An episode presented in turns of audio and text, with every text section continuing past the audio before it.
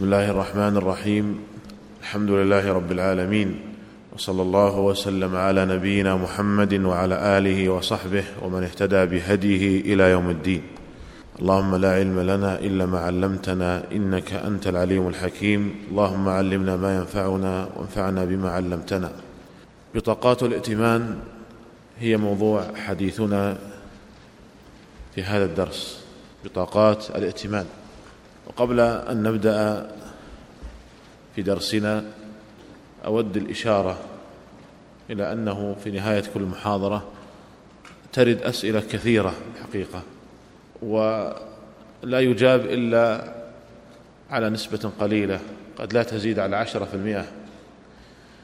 وبعض هذه الأسئلة التي يسلمها لي الشيخ فهد في نهاية كل محاضرة وقد اطلعت عليها أسئلة مهمة وفيها استشكالات حول بعض الموضوعات المطروقة. ولذلك فسوف تجمع هذه الأسئلة وتفرز وسيخصص لها وقت إن شاء الله في آخر الدورة للإجابة عنها. فما تطرحونه من أسئلة سوف يتم تصنيفه وفرزه ثم الإجابة عنه في آخر الدورة إن شاء الله تعالى قدر مستطاع بعض الإخوة يطلب ذكر أرقام القرارات التي تنقل وتاريخها والمراجع والحقيقة أننا لا نذكرها طلبا للاختصار لأنه كما ترون يعني شرح هذه الموضوعات وتوضيحها يستغرق يعني معظم الوقت حتى إنه لا يبقى وقت يسير للإجابة على الأسئلة. فنحن نترك هذا كله طلبا للاختصار. لكنني في آخر الدورة إن شاء الله سوف أزود الأخوة سوف أعطي الشيخ فهذه القرارات كلها لكي تنقل في الموقع بنصها مع الأرقام والتاريخ والمرجع. يعني عندما تنزل إن شاء الله تعالى مادة آه، هذه الدروس سوف تنزل بذكر المصادر وأرقام القرارات وتواريخها إن شاء الله تعالى. لكننا لا نذكرها الآن طلبا للاختصار. آه، بطاقات الائتمان. نريد أولا أن نعرف بطاقات الائتمان ونبين المقصود بها. فنذكر أولا تعريفها اللغوي ثم الاصطلاحي. بطاقات جمع بطاقة. وهي بمعنى الورقة.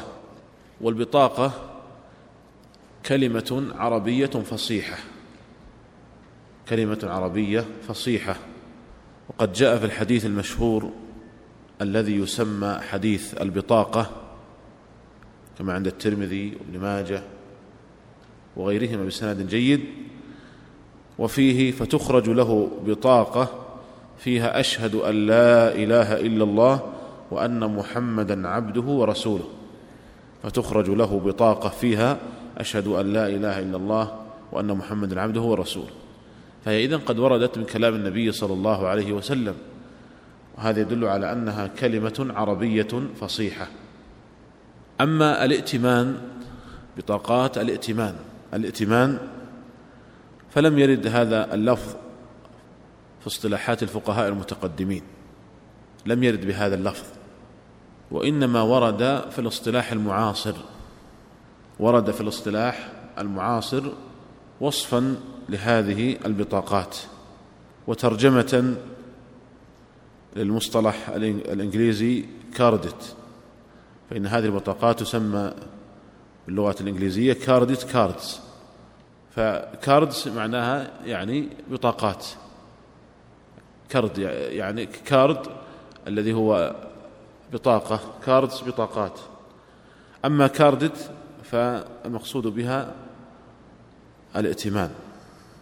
واعترض بعض الباحثين على هذا المصطلح وذكروا أنه يراد بذكر هذا المصطلح والعدول عن مصطلح الإقراض صرف أنظار الأمة عن أحكام الإقراض وآثاره الشرعية. وما يترتب عليه من عمولات وزيادات ربوية محرمة. أقول إن بعض الباحثين اعترض على هذا الاصطلاح بطاقات الائتمان وقال إن الصحيح أن يقال بطاقات الإقراض وقال إن تسمية هذه البطاقات بطاقات الائتمان والعدول عن تسميتها ببطاقات الإقراض إنما يراد به صرف أنظار الأمة عن أحكام الإقراض وآثاره الشرعية وما يترتب عليه من عمولات وزيادات الربوية كذا قال بعض من كتب في هذا الموضوع وقال إن بطاقات الإقراض هو الوصف المناسب لها الدال على حقيقتها لأن كلمة ائتمان مأخوذ من الأمانة والثقة التي يمنحها المصرف لعميله بإعطائه أو بمنحه هذه البطاقات. والوصف المناسب لهذه البطاقات هو الإقراض. فيقول الأصح أن نسميها بطاقات الإقراض وليس بطاقات الائتمان. ولكن هذا محل نظر. أقول هذا لأن توجد بعض بعض الإخوة ينادي فيقول لا تسمونها بطاقات ائتمان هي بطاقات إقراض وأن أنه يراد بهذا الاصطلاح بطاقات الائتمان صرف أنظار الأمة عن أن هذه البطاقات إنما تمثل قرضا في الحقيقة. ولكن هذا في محل نظر. إذ أن حقيقة الائتمان عند الاقتصاديين كما جاء في موسوعة المصطلحات الاقتصادية حقيقة الائتمان عندهم هو منح دائن لمدين مهلة من الوقت. منح دائن لمدين مهلة من الوقت يلتزم المدين بانتهائها دفع قيمة الدين. هذا هو حقيقة الائتمان. منح دائن لمدين مهلة من الوقت يلتزم المدين بانتهائها دفع قيمة الدين. فهو التزام من المصرف بمنح عميله دينا نظرا للثقة التي يشعر بها نحوه. وحينئذ فالائتمان أقرب منه للدين أقرب للدين منه للقرض. أقرب للدين منه للقرض.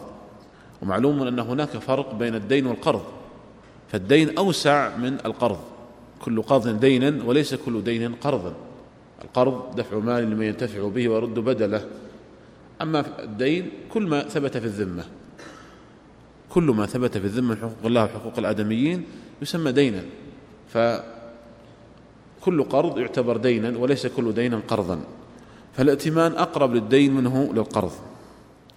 ومما يؤيد هذا وجود فوارق بين القرض والائتمان. وجود فوارق بين القرض والائتمان. منها أن المقترض يعطى المال مباشرة.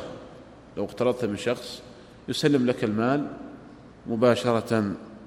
بينما في الائتمان يعطى القدرة على قضاء حوائجه دون دفع الثمن. يعطى القدرة على قضاء حوائجه دون دفع الثمن. ثقة فيه أنه سيسدد في وقت لاحق. ومنها أن مبلغ القرض يثبت في ذمة المقترض كاملا من حين قبضه. أما في الائتمان فإنه لا يثبت في ذمة من منح له الائتمان إلا ما تم صرفه فعلا. إذا في القرض مبلغ القرض يثبت في ذمة المقترض كاملا من حين قبضه. بينما في الائتمان لا يثبت في ذمة من منح له الائتمان إلا ما تم صرفه فعلا. ثم إذا أتينا لترجمة القرض باللغة الإنجليزية لعل بعضكم ربما يعني يتقن اللغة الإنجليزية أو يكون عنده اهتمام بها. ما ترجمة القرض باللغة الإنجليزية؟ هل ترجمته هو card card credit؟ يقولون لا ليست هذه الترجمة الدقيقة للقرض؟ القرض باللغة الإنجليزية loan L O A N هكذا L O A N هذه الترجمة الدقيقة للقرض. بينما هذه البطاقات كما ذكرنا يطلق عليها باللغة الإنجليزية credit cards cards كما ذكرنا بطاقات و card بطاقة والعامة تسمي تسمي كرت يعني بالتاء وهو باللغة مأخوذ باللغة الإنجليزية. هذه ليست فصيحة. كرت هي كرت فجمعها cards أما credit فقد جاء في المعجم الإنجليزي أن لها عدة معان ومنها قدرته على الحصول على حاجاته قبل دفع الثمن.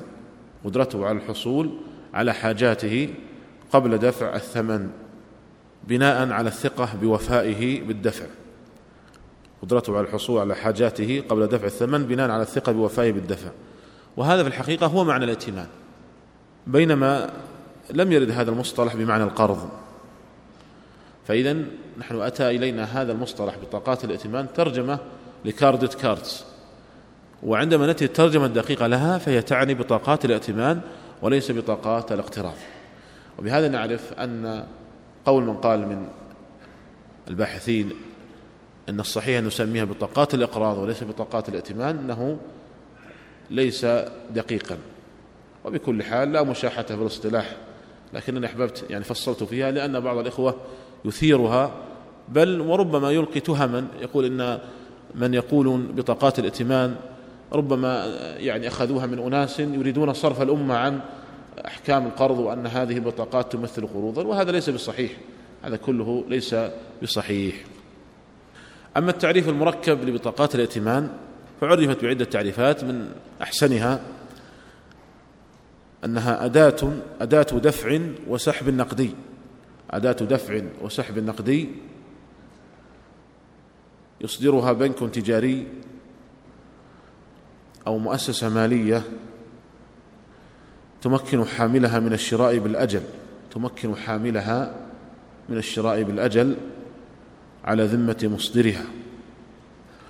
ومن الحصول على النقد اقتراضا من مصدرها.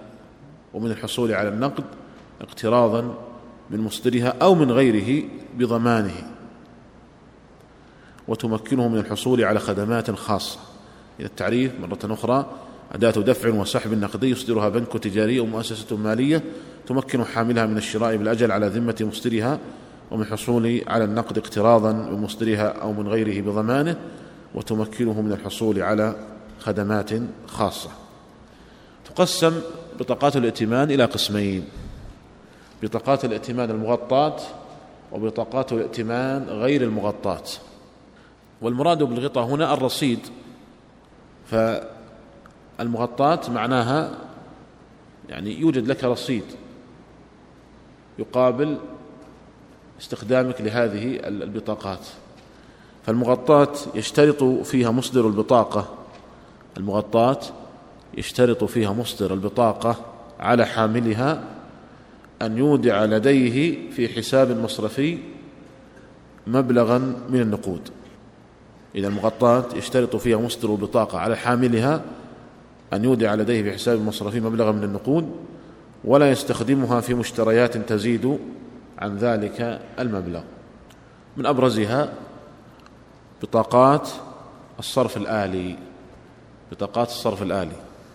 وهي نوعان بطاقات الصرف الآلي الداخلية التي تؤدي وظائفها داخل دولة واحدة وبطاقات الصرف الآلي الدولية وهي التي يستطيع حاملها أن يستخدمها في جميع دول العالم. ومن أمثلتها بطاقة فيزا إلكترون التابعة لفيزا وبطاقة مايسترو التابعة لماستر كارد. هذه البطاقات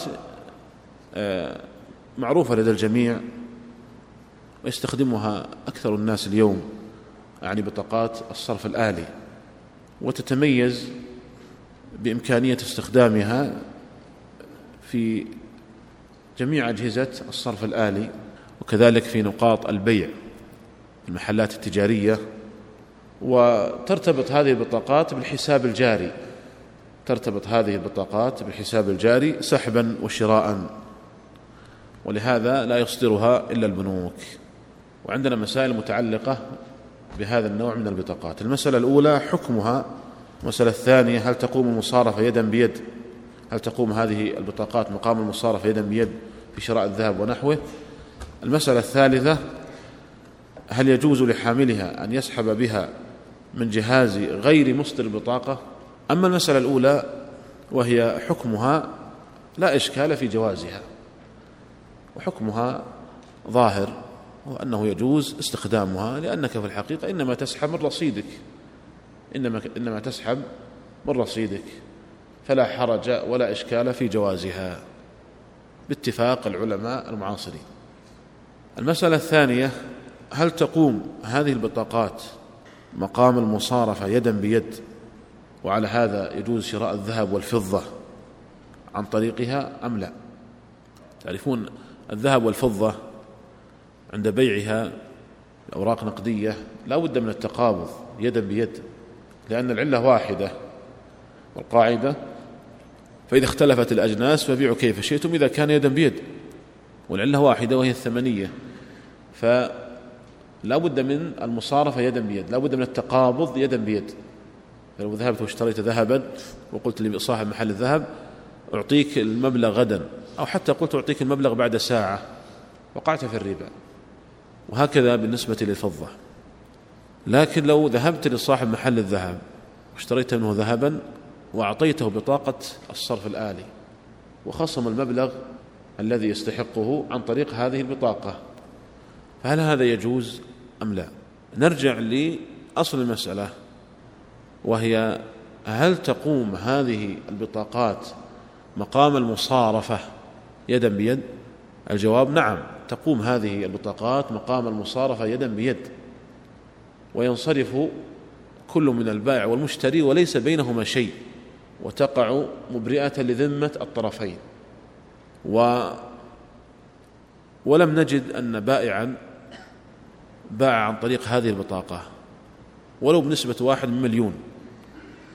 وأعطي نتيجة صحيحة لاحظ هذا القيد. وأعطي نتيجة صحيحة ثم لم يحصل على حقه. هل وجدتم من باع عن طريق هذه البطاقة وأعطي نتيجة صحيحة ولم يحصل على حقه ولو بنسبة واحد مليون؟ الواقع لا نجد. وبعض الأخوة يقول أنه يوجد لكن السبب في هذا أن يكون عنده إشكالية فنية بأن يكون لم يدخل الرقم صحيحا يكون الرقم السري فيه خطأ أو يكون هناك إشكالية في آه، الآلة التي عنده. لكن إذا أعطي نتيجة صحيحة وإشعارا بقبول العملية فإننا لم نجد ولو بنسبة واحد مليون أن بائعا باع عن طريق هذه البطاقات ولم يحصل على حقه. وإذا كان ذلك كذلك فلا شك أن هذه البطاقات تقوم مقام المصارفة يدا بيد. وبهذا أفتت اللجنة الدائمة للبحوث العلمية والإفتاء برئاسة سماحة الشيخ عبد العزيز بن باز رحمه الله. فتوى مدونة في مجموع فتاوى اللجنة. أفتت بأن آه هذه البطاقات تقوم مقام المصارفة يدا بيد. وعلى هذا يجوز شراء الذهب والفضة عن طريقها. يجوز شراء الذهب والفضة عن طريقها. فلا مانع من أن تذهب لصاحب محل ذهب وتشتري منه ذهبا وتعطيه بطاقة الصرف الآلي. لا مانع من هذا. والله تعالى أعلم. المسألة الثالثة وهي حقيقة مسألة مهمة يكثر السؤال عنها وهي هل يجوز لحامل هذه البطاقة أن يسحب بها من غير جهاز مصدرها؟ هل يجوز لحامل هذه البطاقة أن يسحب بها من غير جهاز مصدرها؟ صورة المسألة. تكون بطاقة الصراف بالنسبة لك من الراجحي مثلا. لك حساب الراجحي وأعطاك بطاقة صرف آلي. ومررت بصراف أي بنك آخر. الأمريكي مثلا أو البريطاني أو أي بنك آخر. هل يجوز لك أن تسحب من صراف غير صراف الراجحي؟ أو أنه لا يجوز؟ اختلف العلماء المعاصرون في هذه المسألة على قولين. القول الأول أنه لا يجوز لحامل البطاقة أن يسحب بها من غير جهاز مصدرها. هي القول الأول عدم الجواز. وقال به بعض أهل العلم وقد نسب هذا القول إلى سماحة شيخنا عبد العزيز بن باز رحمه الله. حدثني من أثق به أنه سأل الشيخ عن هذه المسألة فقال إنه لا يجوز لأنها من قبيل القرض الذي جر نفعا. ولكن نقل عن الشيخ بعض طلابه الكبار أنه أفتى بالجواز وقال إن هذا إنما يسحب من ماله وحينئذ اختلف النقل عن سماحة الشيخ. قول نقل ينقل عنه القول بالمنع وقول ونقل آخر ينقل عنه القول بالجواز. بعض الإخوة خرجها على أن للشيخ في المسألة قولين وعلى كل حال ما دام أنه قد اختلف النقل وقد نقل هذه الآراء عنه ثقات فلا نستطيع أن نجزم بأن هذا هو بأن رأي الشيخ هو الجواز أو عدم الجواز. أقول هذا لأن بعض الإخوة يطرح هذه المسألة وينسب القول بعدم الجواز للشيخ مع أنه نقل عنه عن طريق بعض المشايخ الكبار أنهم سألوه فقال بالجواز. وما دام أنه قد اختلف النقل عنه فأرى أنه لا نجزم بنسبة القول إليه بالجواز أو بعدم الجواز. والقول الثاني في المسألة هو القول بالجواز أي أنه يجوز لحامل البطاقة أن يصحب بها من غير جهاز مصدرها. وذهب لهذا القول أكثر العلماء ومنهم الشيخ محمد العثيمين رحمة الله تعالى على الجميع. نأتي لبيان أدلة كل قول ثم بيان القول الراجح في المسألة. أصحاب القول الأول الذين قالوا أنه لا يجوز أن تسحب من جهاز صراف آخر غير آه، مصدر البطاقة آه، لهم ثلاثة أدلة. الأول قالوا إن إن هذا يؤدي إلى الوقوع في شبهة الربا والقرض الذي جر نفعا. ووجه ذلك أن البنك مصدر البطاقة وهو في مثالنا السابق الراجحي مثلا يؤخذ منه على كل عملية سحب أربع ريالات وستون هللة. أربع ريالات وستون هللة. ستون هللة تذهب لمؤسسة النقد وأربع ريالات للبنك صاحب آه، الصرف الآلي. فإذا كان للإنسان بطاقة صرف من الراجح مثلا في مثالنا السابق وصرف بها خمسمائة ريال من البريطاني مثلا من البنك البريطاني. قالوا حقيقة هذا السحب أنه يجمع بين عقدين القرض والحوالة. أما القرض فلأن الساحب قد أخذ المال من صندوق البنك البريطاني على هذا المثال ويتحول البنك البريطاني إلى غريم مصدر البطاقة وهو الراجحي في هذا المثال. وحينئذ عندما يستوفي البريطاني من الراجحي يستوفي منه خمسة ريالات آه، يستوفي منه خمسمائة ريال وأربع ريالات. يقولون إنه يستوفي منه خمسمائة ريال وأربع ريالات. ففي مثالنا السابق يقولون البنك البريطاني يستوفي من الراجحي 500 ريال وأربع ريالات. قالوا وهذا يعتبر من النفع في القرض وكل قرض جرى نفعا فهو ربا. دليلهم الثاني أو الذي استدلوا به أيضا من النظر قالوا إن هذا فيه إعانة على الإثم. إذا كنت تسحب بهذه البطاقة من صراف بنك ربوي فهذا فيه إعانة على الإثم. ودليلهم الثالث من النظر أيضا قالوا إن العقد بين أطراف الشبكة مشتمل على الغرر. إن العقد بين أطراف الشبكة مشتمل على الغرر لأن المؤثر في العقد بين البنكين هو طرف ثالث وهو حامل البطاقة. فهو المؤثر في غرم البنك أو غنمه. أما طرف العقد فيجهلان العاقبة. هذه أدلتهم ولا أعرف لهم أدلة غير هذا. أما أصحاب القول الثاني القائلون بالجواز قالوا إن صاحب البطاقة إنما يسحب من رصيده في الواقع ومن حسابه ولا يسحب من حساب البنك الآخر. ففي المثال السابق إذا كان مصدر بطاقة الصراف هو الراجحي وحسابك عند الراجحي وذهبت وسحبت عن طريق صراف بنك آخر كالبريطاني مثلا. فهل أنت تسحب من خزينة البنك البريطاني؟ الواقع ليس كذلك. إنما تسحب من حسابك من رصيدك لدى الراجح. لكن عن طريق آه، جهاز البنك الآخر الذي هو في هذا المثال البنك البريطاني. قال وبهذا لا إشكال في المسألة لأن كل واحد إنما يسحب من رصيده. فالقول بأنك تسحب من رصيد بنك آخر ثم إن هذا البنك يتقاضى من البنك الذي تتبعه هذا ليس بصحيح ليس بصحيح. ومما يدل على هذا لو كان رصيدك خمسة آلاف ريال وقد أصدر بطاقتك الراجح لك حساب جاري الراجح عند الراجح ورصيدك خمسة آلاف ريال. ثم إنك مررت بصراف بنك آخر وهو في مثالنا البريطاني مثلا. وسحبت منه بهذه البطاقة خمسة آلاف ريال وذهبت مباشرة للراجحي. طلبت منهم خمسة آلاف ريال فماذا سيقول لك؟ يقول ليس عندك رصيد أنت سحبت سحبت رصيدك. وهذا يدل على أنك إنما تسحب من رصيدك في الواقع مباشرة. تسحب وأنت من رصيدك مباشرة ولست تسحب من خزينة بنك بريطاني ثم بنك بريطاني يأخذ من الراجح وهذا كما ترون يعني استدلال ظاهر.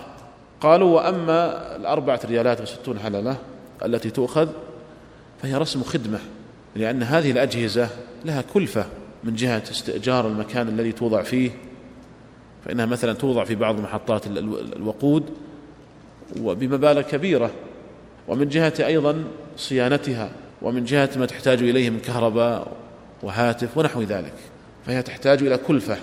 فهذا الرسم الذي يؤخذ مقابل هو رسم خدمة والدليل على أنه رسم خدمة أنه لا يزيد بزيادة المبلغ فسواء سحبت مئة ريال أو خمسة آلاف ريال فالرسم ثابت أربع ريالات وستون هللة وهذا دليل على أنه رسم خدمة وما كان مقابل رسم خدمة فعلية حقيقية فإنه لا بأس به لأنه لا يلزم الناس بأن يخدموا غيرهم مجانا.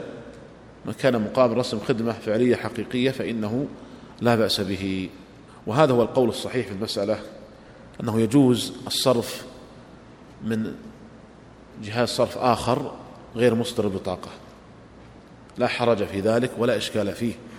و وأما ما استدل به القائلون بالمنع أولا قولهم إن إنها أن المسألة تشتمل على قرض جر نفعا فغير صحيح لأن هذا بني على تصور للمسألة غير صحيح. وهذا التصور هو أن أن أصحاب القول الأول يتصورون أنك عندما تسحب من صراف بنك آخر أنك تسحب من خزينة ذلك البنك ثم إن ذلك البنك يرجع على البنك الذي تتبعه ويعمل معه مقاصة ويسترد المبلغ وزيادة أربع ريالات وهذا تصور غير صحيح إذ أنك إنما تسحب من رصيدك مباشرة من البنك مصدر البطاقة. ولكن عن طريق جهاز بنك آخر. وبناء على ذلك يزول هذا يمتنع هذا الإيراد. والقول بأن فيه أنه قرض جر نفعا ليس بصحيح ليس بصحيح لأنه بني على تصور للمسألة غير صحيح.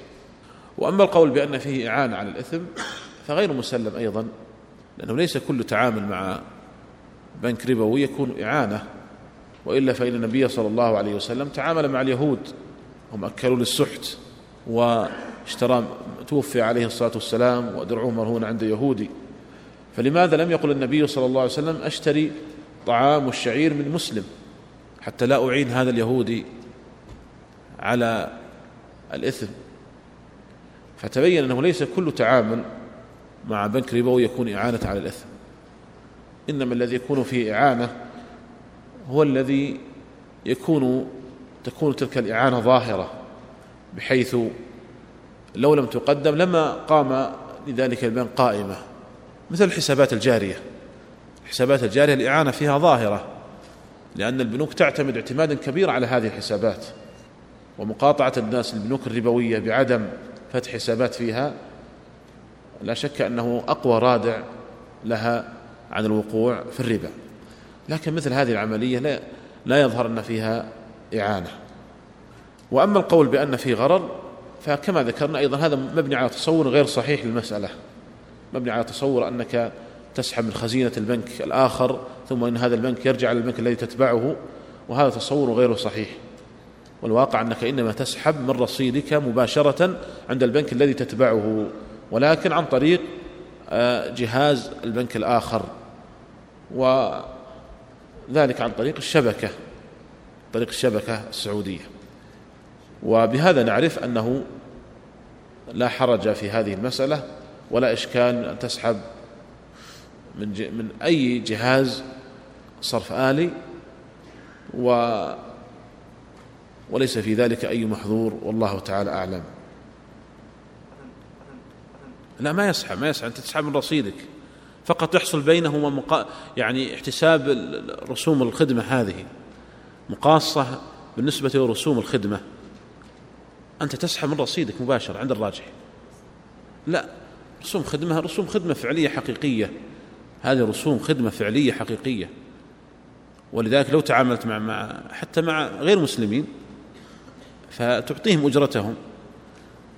فأنت خدمت بهذا يعني آه، الجهاز مع أنهم لا يؤخذ من العميل شيء وإنما يؤخذ من البنك الذي يتبعه العميل بتنظيم وضعه ولي الأمر في هذا.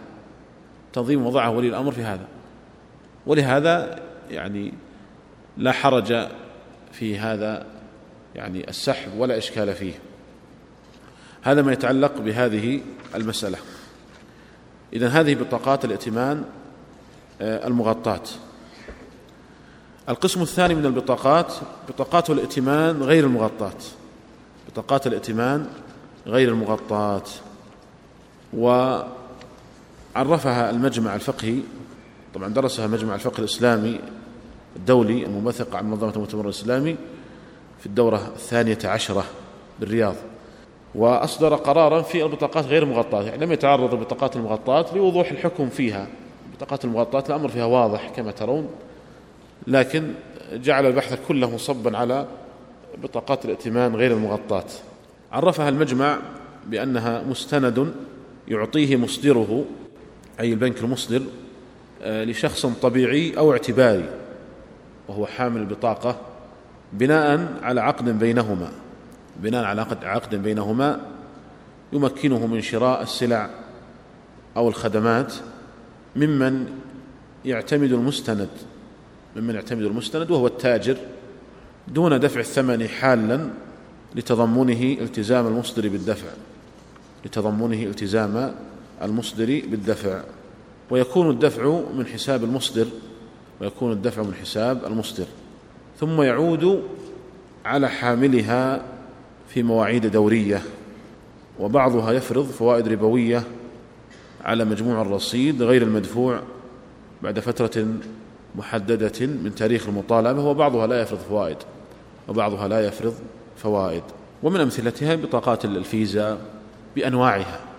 بطاقات الفيزا بأنواعها تعتبر من هذا القسم. والبطاقة الائتمانية غير المغطاة تجمع عدة أطراف لا تزيد على خمسة. أولا الطرف الأول المنظمة العالمية وهي التي تملك العلامة التجارية للبطاقة. وتشرف عليها وتشرف على إصدار البطاقات وفق اتفاقيات مع البنوك المصدرة. ومن أشهر هذه المنظمات العالمية منظمة فيزا ومنظمة ماستر كارد ومنظمة أمريكان إكسبرس. آه، الطرف الثاني مصدر البطاقة وهو البنك أو المؤسسة التي تصدر البطاقة بناء على ترخيص معتمد من المنظمة العالمية بصفته عضوا فيها ويقوم بالسداد وكالة عن حامل البطاقة للتاجر التي تمثل البنوك مثلا الآن. هذا هو مصدر البطاقة. الطرف الثالث حامل البطاقة. حامل البطاقة وهو العميل عميل البنك الذي صدرت البطاقة باسمه. الطرف الرابع قابل البطاقة.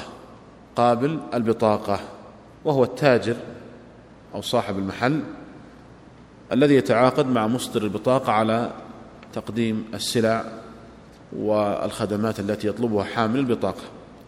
الطرف الخامس البنوك الأخرى البنوك الأخرى. قد تدخل طرفا وقد لا تدخل. وذلك بنك الراجح كبنك التاجر كبنك التاجر الذي يتسلم مستندات البيع من التاجر ويقوم بتسديد بمتابعة تسديد البنوك الأعضاء للديون المترتبة على استخدام البطاقة مقابل رسوم يأخذها من التاجر. وهذه الأطراف كما يعني أشرت قد تنقص بحسب تعامل البنك المصدر وحامل البطاقة والتاجر.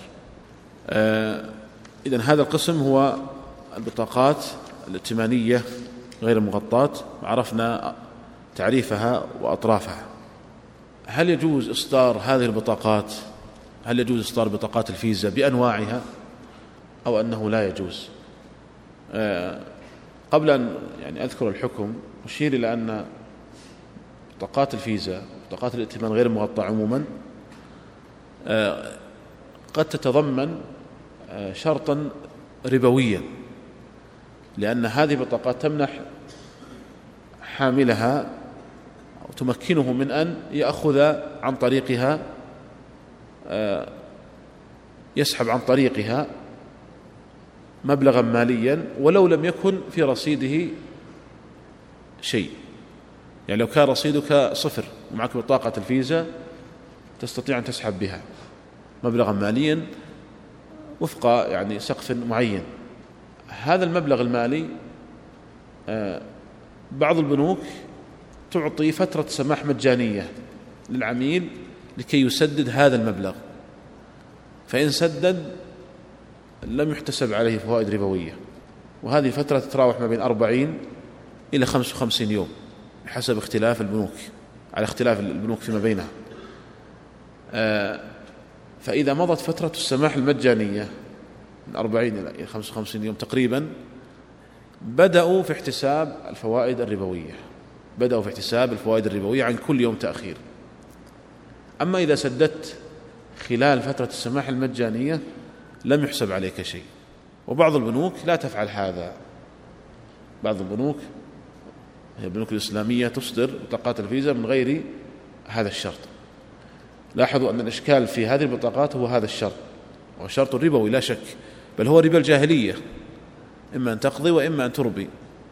كانوا يقولون نقرضك قرضا وعند حلول هذا موعد هذا سداد هذا القرض إما أن تقضي وإما أن تربي وهذا بعينه هو ربا الجاهلية. وهذا يقودنا إلى معرفة الحكم إصدار هذه البطاقات. قرر المجمع الفقهي أنه لا يجوز إصدار بطاقات الائتمان غير المغطاة. لا يجوز إصدار بطاقات الائتمان غير المغطاة ولا التعامل بها إذا كانت مشروطة بزيادة فائدة ربوية. إذا كانت مشروطة بزيادة فائدة ربوية.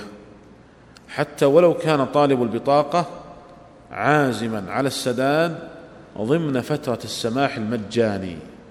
إذا لا يجوز إصدار بطاقات الائتمان غير المغطاة ولا التعامل بها إذا كانت مشروطة بزيادة ربوية. حتى ولو كان طالب البطاقة عازما على السداد ضمن فترة السماح المجاني. لماذا لا يجوز؟ لأن من يصدرها قد يقع في الربا. عندما تمضي فترة السماح المجانية ولا يسدد ما عليه. ثم أيضا عند توقيعه على قبول هذه البطاقة يوقع على قبول الربا. هذا التوقيع بحد ذاته فيه إشكال ولذلك فإنه لا يجوز إصدار هذه البطاقات إذا كانت مشروطة بهذا الشرط. والبنوك الربوية تشترط هذا الشرط تشترط هذا الشرط. وبعض الناس يقول أنا سوف أصدر هذه البطاقة بطاقة الفيزا من بنك تقليدي وأعرف من نفسي أني أستطيع السداد خلال فترة السماح المجانية فهل يجوز لي هذا؟ نقول لا يجوز حتى ولو كنت تعرف من نفسك هذا لماذا؟ أولا لأن مجرد توقيعك على العقد وقبول هذه البطاقة إقرار منك بالربا فأنت الآن توقع على ورقة عندما تطلب إصدار هذه البطاقة توقع على الشروط ومن ضمنها أنه يحتسب عليك فوائد ربوية عند تأخرك في سداد ما عليك. فأنت الآن توقع على قبول الربا والإقرار به. ثم أيضا قد يكون الإنسان عازما على فترة على السداد خلال فترة السماح المجانية ثم تعرض له عوارض في المستقبل ولا يستطيع معها أن يسدد. وقد اتصل بأحد الناس وقال إنه أصدر بطاقة من إحدى هذه البنوك التقليدية يقول وكنت عازما على السداد خلال فترة السماح المجانية. يقول ولكن حصل لي ظروف لم أستطع معها السداد فألزموني بدفع الربا خاصة أنه يوجد البديل ولله الحمد وهو البنوك الإسلامية التي لا تشترط هذا الشرط. على سبيل المثال البنك الراجحي مثلا يصدر بطاقات الفيزا بأنواعها من غير أن يشترط هذا الشرط. وحينئذ إذا لم يوجد هذا الشرط الربوي فإنه لا بأس بها لا بأس بإصدار هذه البطاقات لأن الإشكال فيها فقط هو هذا الشرط. يشترط عليك أنك تدفع الربا عند التأخر آه، عن فترة السماح المجانية. فما دام أنه يوجد البديل نقول لا يجوز إصدار هذه البطاقات من بنوك تشترط هذا الشرط. ولكن قد يوجد في بعض الدول وأنا قد وقفت على هذا آه، أنه لا يوجد بنك يصدر هذه البطاقات من غير اشتراط هذا الشرط. ويكون ويعتمدون في تلك الدول على هذه البطاقات اعتمادا كبيرا. ويلحقهم حرج لو قيل بأنه لا يجوز استخدام هذه البطاقات. ولعله يتابعنا عبر الإنترنت بعض الإخوة. وقد وقفت على يعني واقعهم في هذا. فمثل هذه المسألة قد أفتى بعض العلماء المعاصرين ومنهم الشيخ محمد بن صالح العثيمين رحمه الله بأنه يجوز لمن كانوا في تلك الدول آه، استخدام تلك البطاقات بشرط أن يكونوا عازمين على السداد خلال فترة السماح المجانية. وذلك للضرورة وذلك للضرورة لأنهم مضطرين إلى حمل هذه البطاقات وما قد يورد عليها من إشكال وهو أنهم قد يقعوا في الربا أمر محتمل فتدفع الضرورة ولا ينظر لهذا الأمر المحتمل. وعند توقيعهم على العقد ينوون بأنهم غير مقرين بالربا وأنهم عازمين على السداد خلال فترة السماح المجانية. ولكن هذا للإخوة في تلك الدول الذين هم مضطرين إلى إصدار هذه البطاقات وفي الوقت نفسه آه، عازمين على السداد خلال فترة السماح المجانية. ومعلوم أن الضرورة تقدر بقدرها. ومعلوم أن الضرورة تقدر بقدرها. أما من كان مثلا موجودا هنا في المملكة فنقول لا يجوز إصدار هذه البطاقات مطلقا. لا يجوز إصدار هذه البطاقات مطلقا. لكن من كان موجودا في تلك الدول خاصة في الغرب وأنا قد وقفت على شيء من هذا أنهم يكونوا مضطرين إلى حمل هذه البطاقات واستخدامها ويلحقهم حرج كبير لو قيل بعدم الجواز وفي الوقت نفسه المحظور الذي يخشى منه وهو الوقوع في الربا يستطيعون تلافيه وذلك بأن يكونوا عازمين على السداد خلال فترة السماح المجانية واتخاذ الوسائل التي تعينهم على ذلك. فنرجو حينئذ آه، أن يكون ذلك جائزا للضرورة ولكن الضرورة تقدر بقدرها فلا يتوسع في ذلك. إذا هذا ما يتعلق بحكم إصدار هذا النوع من البطاقات جاء في قرار المجمع ثانيا يجوز إصدار بطاقة غير مغطاة إذا لم تتضمن شرط زيادة الربوية على أصل الدين. وهذا أشرنا إليه؟ وقلنا إن البنوك الإسلامية تفعل هذا تصدر هذا النوع من البطاقات مع عدم تضمن هذا الشرط.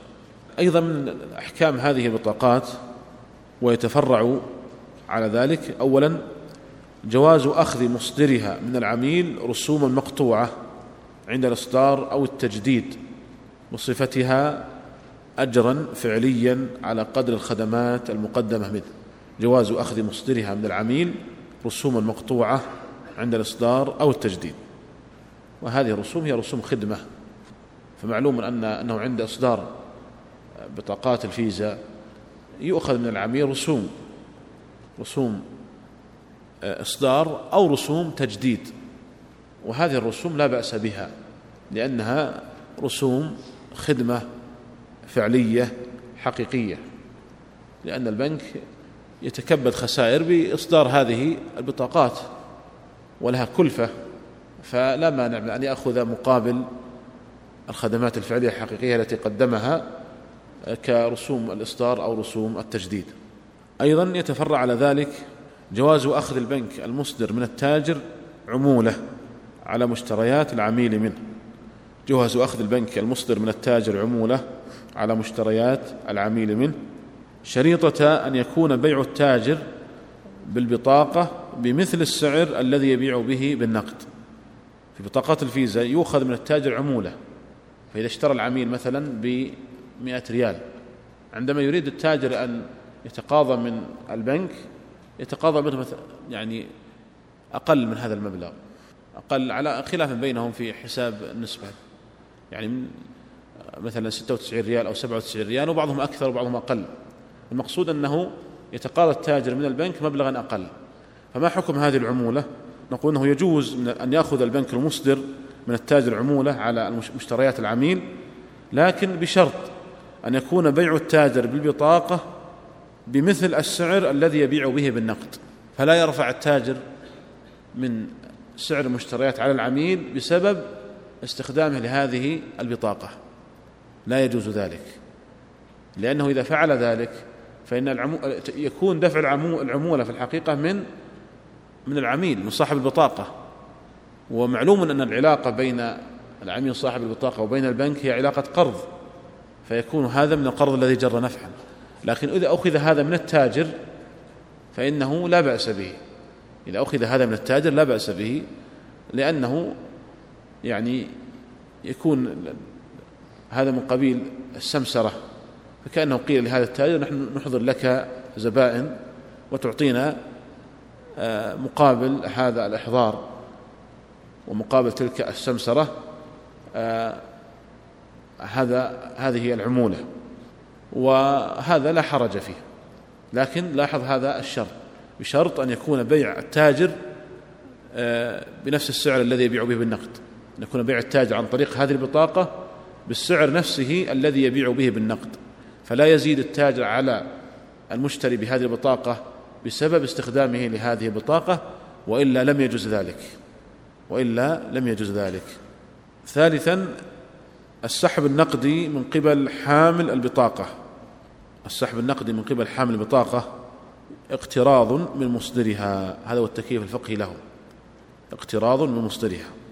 يعني عندما يكون رصيدك قليلا ما عندك مثلا إلا ألف ريال وسحبت عن طريق بطاقة الفيزا خمسة آلاف فيكون هذا التكييف الفقهي له أنه قرض. كأنك اقترضت من البنك آه، أربعة آلاف. ولا حرج في هذا شرعا إذا لم يترتب عليه زيادة ربوية. لا حرج فيه إذا لم يترتب عليه زيادة ربوية. وهذا يقودنا إلى معرفة حكم الرسوم التي تؤخذ على هذا السحب عندما تسحب عن طريق بطاقة الفيزا ويؤخذ عليك رسم. وهذا الرسم كان في السابق تسعة ريالات عن كل عملية سحب ثم تضاعف إلى ثمانية عشر ريالا ثم تضاعف الآن إلى ستة وثلاثين ريالا. فعلى كل عملية سحب يؤخذ عليك أنت صاحب البطاقة يؤخذ عليك ست وثلاثون ريالا. فما الحكم في هذا وما التكييف الفقهي له؟ اختلف العلماء المعاصرون في هذه المسألة على أقوال. وقبل أن نشير لهذه الأقوال أشير هنا إلى أن السحب النقدي بهذه البطاقة الائتمانية له حالتان سحب يدوي وسحب آلي. أما السحب اليدوي فإنه لا يجوز أخذ رسوم عليه. لاحظ هنا السحب اليدوي تذهب للبنك مباشرة وتعطيهم بطاقة الفيزا ويعطونك خمسة آلاف ريال.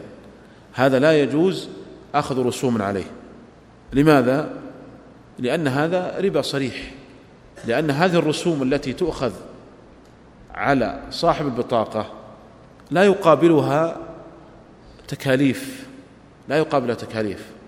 و فأنت عندما تبرز لموظف البنك بطاقة الفيزا وتقول أعطوني خمسة آلاف ريال ما هي الكلفة التي قدم التي بذلها البنك حتى يأخذ 36 ريال على هذه العملية؟ الواقع أنه ليس فيه كلفة. ولهذا فتكاد تتفق الهيئات الشرعية للبنوك الإسلامية على حرمة استخدام البطاقة الائتمانية في السحب اليدوي السحب اليدوي من البنوك الربوية. فإذا السحب اليدوي هذا لا إشكال في عدم جوازه في عدم جواز آه، السحب اليدوي الذي يحتسب عليه هذه الرسوم. لأن هذه الرسوم لا تقابل آه، خدمة فعلية حقيقية ولا تكاليف.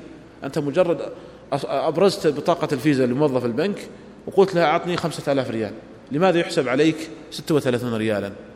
ولهذا نقول هذه المسألة الأمر فيها واضح أنها لا تجوز.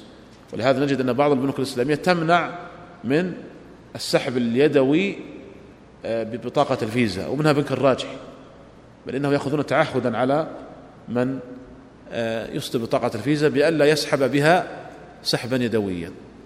أما السحب الآلي فهو محل البحث وهو الذي اختلف فيه العلماء المعاصرون.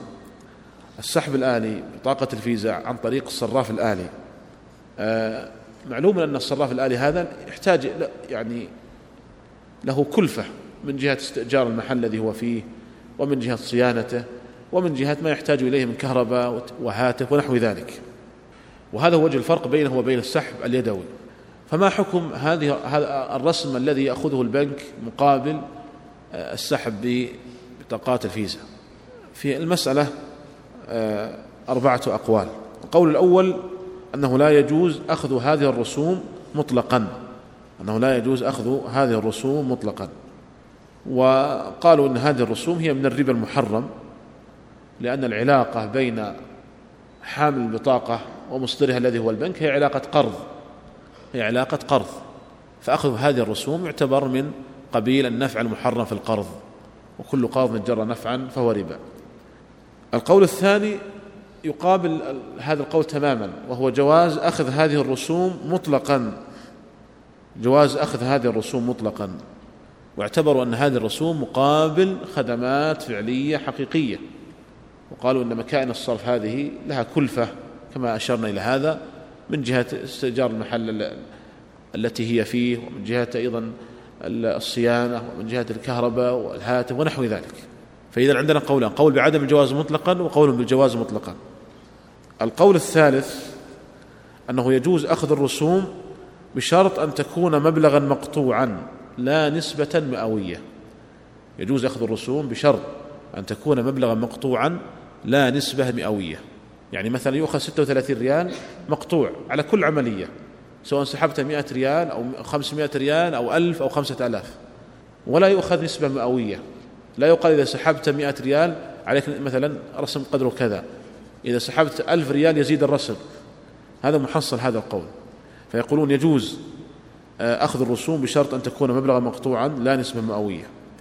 وعلى وإلى هذا الرأي ذهبت الهيئة الشرعية لشركة الراجح ولكن هذا الرأي بالأغلبية عندهم ليس محل اتفاق ذهبت الهيئة الشرعية بشركة الراجح إلى هذا الرأي وهو الذي عليه العمل عندهم. وأيضا هيئة المحاسبة والمراجعة للمؤسسات المالية الإسلامية. قالوا لأن تغير الرسم بتغير المبلغ فيه شبهة ربا. تغير الرسم بتغير المبلغ فيه شبهة ربا. وهذا المعنى منتف إذا كان الرسم مبلغا مقطوعا. القول الرابع في المسألة أنه يجوز أخذ هذه الرسوم بشرط أن تكون مبلغا مقطوعا في مقابل النفقات الفعلية الحقيقية لعملية الإقراض. أنه يجوز أخذ هذه الرسوم بشرط أن تكون مبلغا مقطوعا في مقابل النفقات الفعلية الحقيقية لعملية القرض. ولا يجوز الزيادة على التكلفة الفعلية. ولا يجوز الزيادة على التكلفة الفعلية. ما الفرق بين هذا القول والقول الثالث؟ نعم. من يتابع معنا؟ نعم. حامد نعم.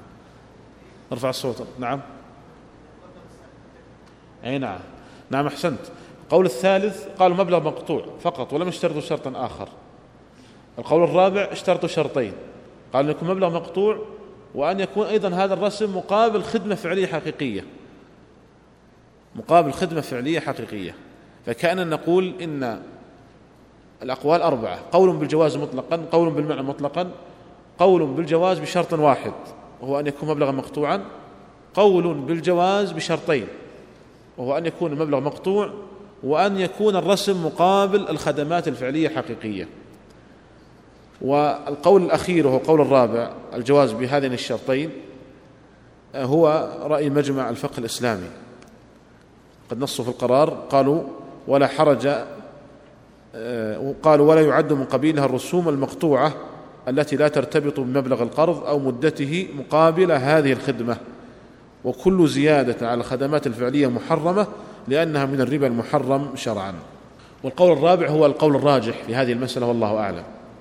أنه يجوز أخذ هذه الرسوم بشرطين.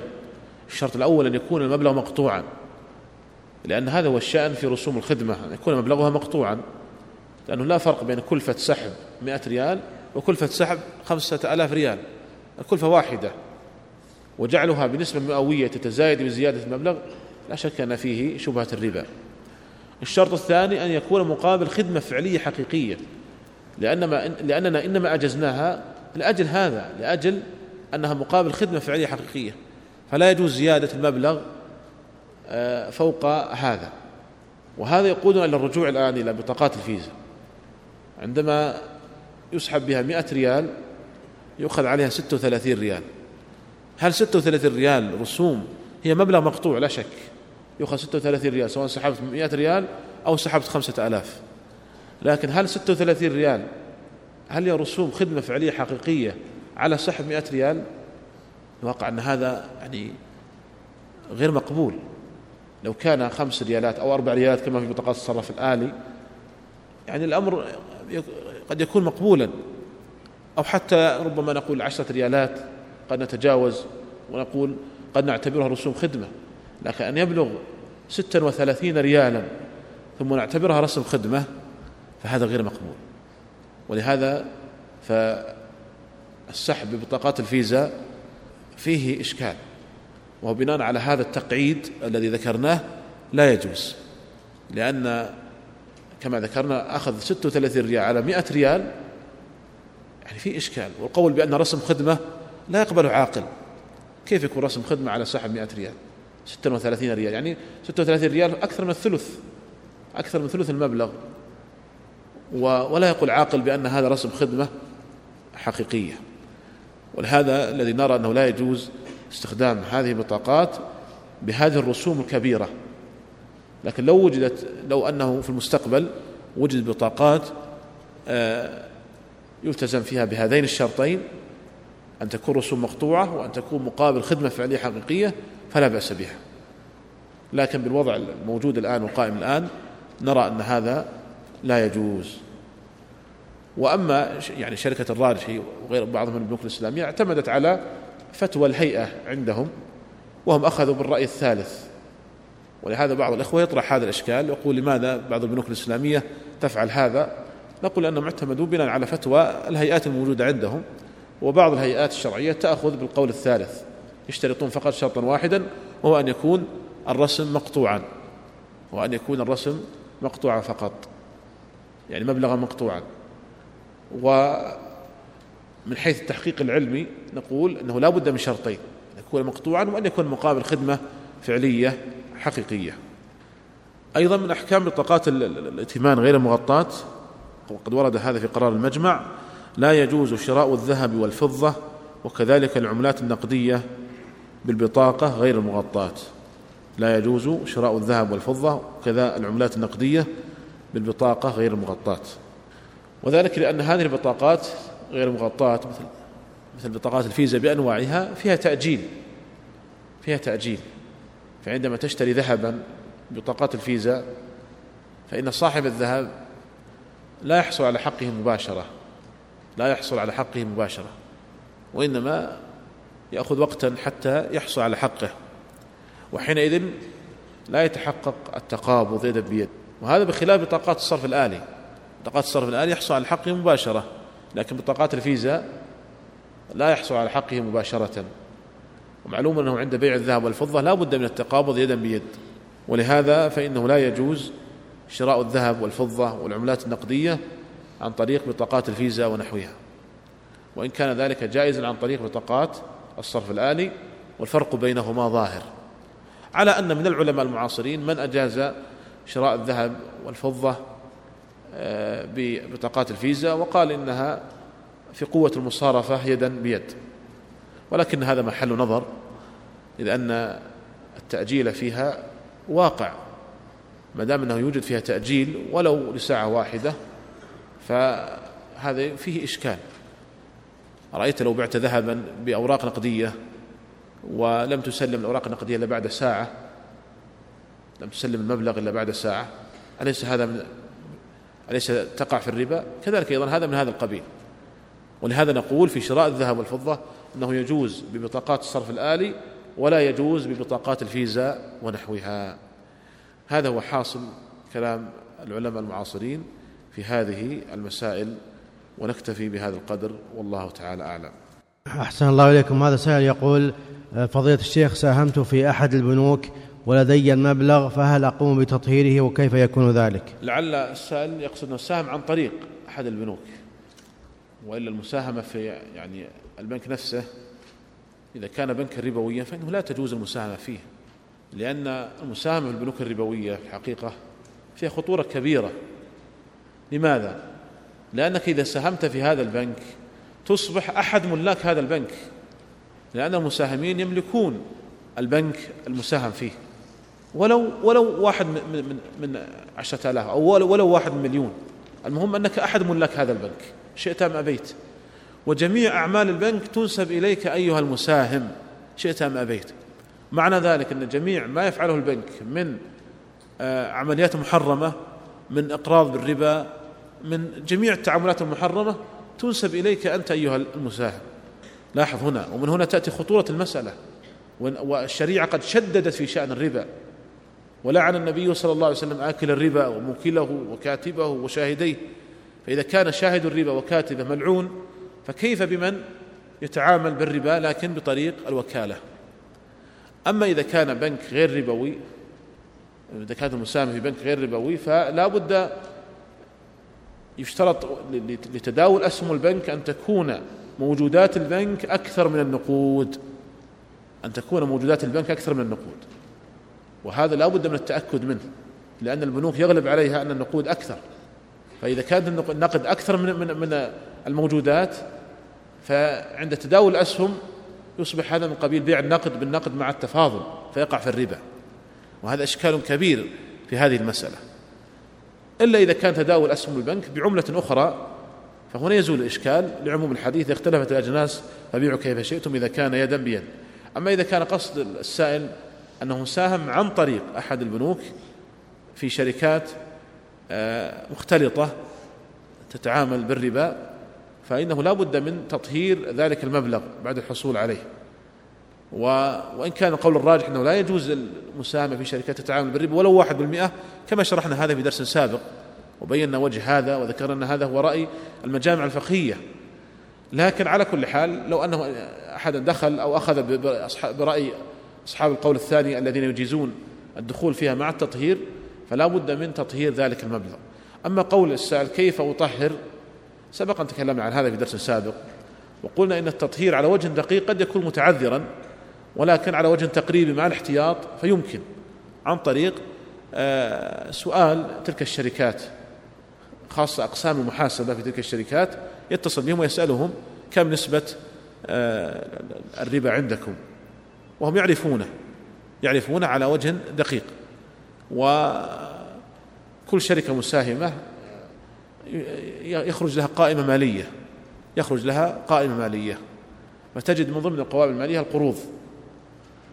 وهذه القروض لا شك أنها يعني قروض ربوية لأن آه، الشركات والبنوك لا تقرض القرض الحسن. لا يكون عندها القرض الحسن وليس بخلق لها. فهذه يعني قروض ربوية. فيستطيع أن يسأل تلك الشركات ويعرف الإيراد المحرم ويطهره يتصدق به بنية التخلص لا بنية التقرب. فإن لم يستطع معرفة المال المحرم فاختلف العلماء في هذه المسألة وأكثر ما قيل أنه يتصدق بنصف الربح وهو رأي الشيخ محمد بن عثيمين رحمه الله أنه يتصدق بنصف الربح. هذا هو أكثر ما قيل في هذه المسألة والله تعالى أعلم. أحسن الله عليكم. هذا يقول الهدايا والتخفيضات التي تعطى لأصحاب الحسابات من قبل البنوك هل تجوز؟ وهل يجوز أن أفتح حسابا في بنك يعطي هدايا؟ نعم هذا سؤال جيد حقيقة. آه، التكييف الفقهي للحسابات الجارية في البنوك هو أنها قرض وليست وديعة وإن سماها الناس وديعة.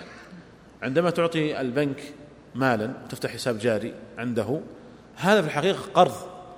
لأن حقيقة القرض عند الفقهاء هي دفع مال لمن ينتفع به ويرد بدله. هكذا عرف الفقهاء القرض. وهذا هو الذي ينطبق تماما على الحسابات الجارية.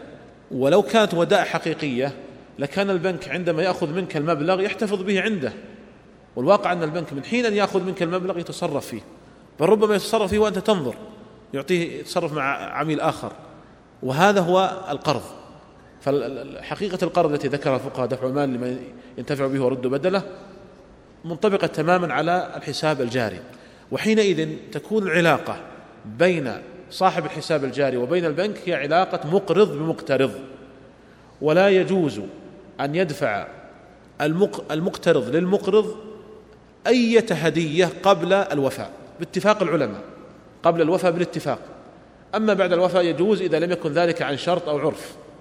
ويكون باب إحسان الإحسان في وفاء القرض. أما قبل الوفاء فلا يجوز. لو أقرضت شخصا عشرة آلاف ريال فأهدى إليك المقترض هدية قبل سداد القرض. ولم يكن بينكم عادة جارية فإن هذا لا يجوز. أما لو كانت الهدية بعد وفاء القرض ولم يكن هناك شرط أو عرف جاز. وعلى هذا تخرج هدايا البنوك. فالعلاقة بين البنك وبين آه، العميل صاحب الحساب الجاري علاقة مقرض بمقترض. فإذا أهدى البنك للعميل يكون قد أهدى المقترض الذي هو البنك للمقرض الذي هو العميل هدية قبل الوفاء وهذا محرم ولا يجوز. ولهذا نقول جميع هدايا البنوك إلى العملاء لا تجوز هي محرمة لأنها في الحقيقة هدية من مقترض إلى مقرض. وهذا مع الأسف واقع موجود. تقوم البنوك بإهداء أصحاب الحسابات الجارية خاصة ما يسمونهم بالعملاء متميزين. يعني أصحاب الأرصدة الكبيرة يهدونهم هدايا وهذه الهدايا محرمة ويجب ردها ويجب تنبيه القائمين على البنوك بأن هذه الهدايا محرمة ولا تجوز. اللهم إلا إذا كانت هدايا لا ترتبط بالقرض وإنما تهدى لعموم الناس مثل مثلا التقاويم تهدى لأي أحد مثلا يزور البنك أو أي أحد يأتي للبنك هذا لا بأس به لأنها ليست لأجل القرض أما هدايا آه، تهدى لأجل أن هذا قد فتح حساب عندهم ولأجل أن هذا من عملاء البنك فإن هذه الهدايا محرمة ولا تجوز. أحسن الله إليكم. يقول ما هي الشيكات السياحية وما حكمها؟ نعم الشيكات السياحية هي شيكات آه، تصدرها يعني مكاتب لبعض من يرغب في هذا ويأخذ هذه الشيكات ويستطيع إذا سافر إلى بلد آخر أن يحصل على ما يقابلها من آه، النقد ويحتسب عليها رسوم. وهذه الشيكات لا بأس بها والرسوم المستخ... التي تؤخذ عليها هي رسوم خدمة. وسوف نفصل إن شاء الله تعالى الكلام عنها في آه، دروس قادمة عندما نتكلم عن الأوراق التجارية. لكن هذا باختصار محصل الكلام فيها وسوف يأتي التفصيل عنها إن شاء الله. أحسن الله عليكم يقول أريد فتح حساب يقول أنا طالب وأريد فتح حساب ولا يوجد بنك إسلامي يفتح لي حساب إلا بنك ربوي فهل يجوز لي فتح حساب عند هذا البنك الربوي؟ على كل حال إذا كان السائل يعيش في دولة ليس فيها آه، بنك آه، إسلامي فإنه لا حرج عليه أن يفتح حسابا في بنك ربوي للضرورة لأن فتح حساب في البنك أصبح من الضرورات في الوقت الحاضر. فلا يستطيع الإنسان أن يحفظ أمواله في بيته. فأصبح هذا من الضرورات. ولكن عند فتحه لهذا الحساب آه، يجب عليه ألا يأخذ آه، فوائد ربوية. يعني يجعل الحساب جاريا ولا يجعله في في حساب الودائع الآجلة وإنما يجعله حسابا جاريا بدون أخذ فوائد ربوية. ولا حرج عليه في هذه الحال لأجل الضرورة. وإن كانت العلاقة بينهما كما ذكرت هي قرض وليست وديعة لكن جاز هنا لأجل الضرورة. أما لو كان في بلد يوجد فيه بنك إسلامي فنرى أنه لا يجوز أن يفتح حسابا في بنك الربوي لأن هذا في إعانة ظاهرة لهم على الاستمرار في الربا لأن البنوك تعتمد اعتمادا كبيرا على آه، الحسابات الجارية. أحسن الله لكم يقول يوجد في بعض محطات البنزين تعطي الزبون هدية عبارة عن علبة مناديل إذا اشترى منها رغبة في التنافس مع المحطات الأخرى فهل يجوز ذلك؟ نعم. هدايا محطات البنزين لأجل من يعبي عندهم وقودا لا بأس بها ولا تدخل في الميسر لأنها لا تنطبق عليها قاعدة الميسر لأن قاعدة الميسر هي الدخول في مسابقة أو مغالبة يتردد فيها بين الربح والخسارة بين الغرم والغنم وإذا طبقنا هذه القاعدة على تلك الهدايا التي آه، تضعها أصحاب محطات تضعها محطات البنزين نجد أنها لا تنطبق عليها لأن محطات البنزين تبيع بنفس السعر بنفس السعر السعر محدد وثابت وهو تسعون هللة. ومن يعبي عندهم إما غانم وإما سالم. وقاعدة الميسر إما غانم وإما غارم. وحينئذ نقول لا بأس بذلك. والعملية في حقيقتها كأنها تخفيض لكن بالطريق غير مباشر. يعني بدل ما يقول نخفض سعر اللتر من تسعين هللة إلى مثلا خمسة وثمانين أو إلى ثمانين يجعلون هذا بطريق غير مباشر بأن يمنحوك هذه الهدية بأن يمنحوك هذه الهدية و ولا حرج في مثل هذه الهدايا. ومثل ذلك الهدية التي آه، تمنح للإنسان من آه، محل تجاري كالهدايا التي تكون مع العصائر ومع الألبان لا بأس بها لا بأس بها إذا كان إذا كانت تباع بنفس آه، سعرها في السوق. فإذا كان محل العصير أو الألبان قد وضع هدايا. ف وهي تباع بنفس السعر فلا حرج في ذلك لأنها لا تنطبق, تنطبق عليها قاعدة الميسر. لا تنطبق عليها قاعدة الميسر. وأما قول الأخ السائل أن في هذا آه، إضرارا بالمحطات الأخرى التي لا تقدم مثل هذه الهدايا فهذا لا نسلم به لأن أمور التجارة من قديم قائمة على التنافس بين التجار.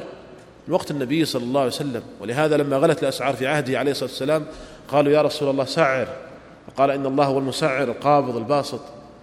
لأن ذلك الارتفاع كان من آه، كثرة الطلب وقلة العرض. فيعني اختلاف الأسعار وتنافس التجار فيما بينهم موجود من قديم الزمان. فلا نمنع تاجرا من أن يخفض سعر آه، بضاعته.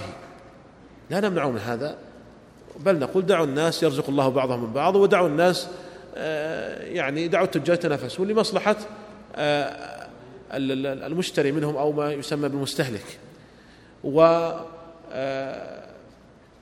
والهدايا التي تكون في محطات البنزين غاية ما فيها تخفيض. تخفيض لكن بطريق غير مباشر. نعم لو أنهم رفعوا من سعر البنزين لأجل هذا هنا يعني قد يكون محل إشكال. لكن ما دام أن أن أن, أن سعر البنزين عندهم وعند غيرهم هو نفس السعر لكن فقط هؤلاء يمنحون من يعبي عندهم هدية فإنه لا حرج في ذلك ولا تدخل تحت قاعدة الميسر. على أن من العلماء من منع من هذا لكن لا أرى لهذا المنع وجها لا أرى لهذا المنع وجها. والصحيح هو ما أفتى به بعض مشايخنا وهو الشيخ محمد بن عثيمين وجماعة من أن هذه الهدايا أنه لا بأس بها ولا حرج فيها لأنها لا تنطبق عليها قاعدة الميسر. أحسن الله لكم. يقول ما هي العلة في عدم قبول هدايا البنوك؟ أي نعم. العلة هي سد الذريعة المفضية للربا. سد ذريعة الربا.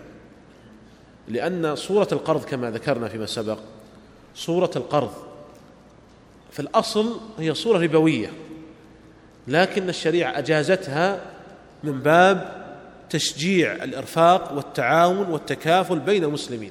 فإذا أصبح القرض لا يراد به الإرفاق وإنما أصبح يراد به المعاوضة رجعت صورة القرض لما كانت عليه في الأصل وهو أنها صورة ربوية. فوجود مثل هذه الهدايا يفضي إلى أن يكون القرض يراد به آه، الربحية والنفع ولا يراد به الإرفاق. وإن كان هذا قد آه، قد لا يتحقق قد لا يكون مقصودا قد تكون هدية من غير قصد ولكن من باب سد الذريعة منع الفقهاء من هذا وقالوا لا يجوز للمقترض أن يهدي للمقرض أية هدية قبل الوفاء. وورد في هذا آثار عن السلف. ولما قدم آه، أبو موسى على عبد الله بن سلام كما في البخاري قال قدم من أرض العراق قال إنك بأرض الربا فيها فاش فإذا أهدى إليك أحد حمل تبن أو حمل قت فلا تأخذه فإنه ربا. قال والظاهر أنه لا يقول هذا إلا بتوقيف من النبي صلى الله عليه وسلم وهذا في صحيح البخاري. ورد أيضا آثار عن بعض الصحابة كابن عباس أنه منع من هذا. والفقهاء قد نصوا على هذا فقالوا أنه لا يجوز للمقترض أن يهدي المقرض هدية قبل الوفاء لم تكن العادة جارية بينهما بالإهداء. أما لو كان من عادته أنه يهدي له لا حرج لكن يهدي له لأجل القرض فإن هذا لا يجوز. سدا للذريعة سدا لذريعة الربا. أحسن الله إليكم وأثابكم وصلى الله على نبينا محمد وعلى آله وصحبه أجمعين.